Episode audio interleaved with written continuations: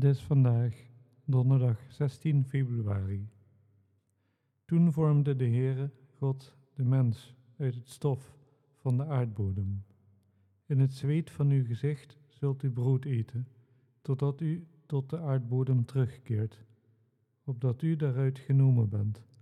Want stof bent u en u zult tot stof terugkeren. Genesis 2, vers 7 en 3, vers 19.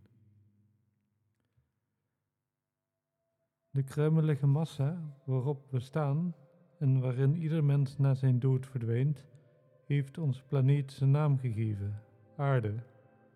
Dat alleen al laat onze afhankelijkheid en vergankelijkheid zien. Uit de aarde gekomen en naar de aarde teruggekeerd. Dan is alles voorbij. Wat maakt de mens die zo denkt een geweldige vergissing? God zal alle lichamen uit het graf roepen.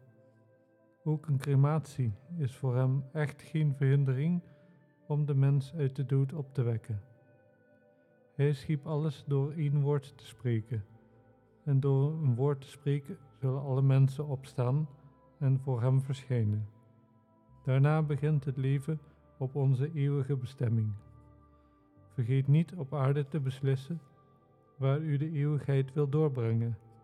De keuze is voor of tegen Christus. Hem aannemen als je redder of Hem afwijzen. Deze keuze heeft eeuwige gevolgen.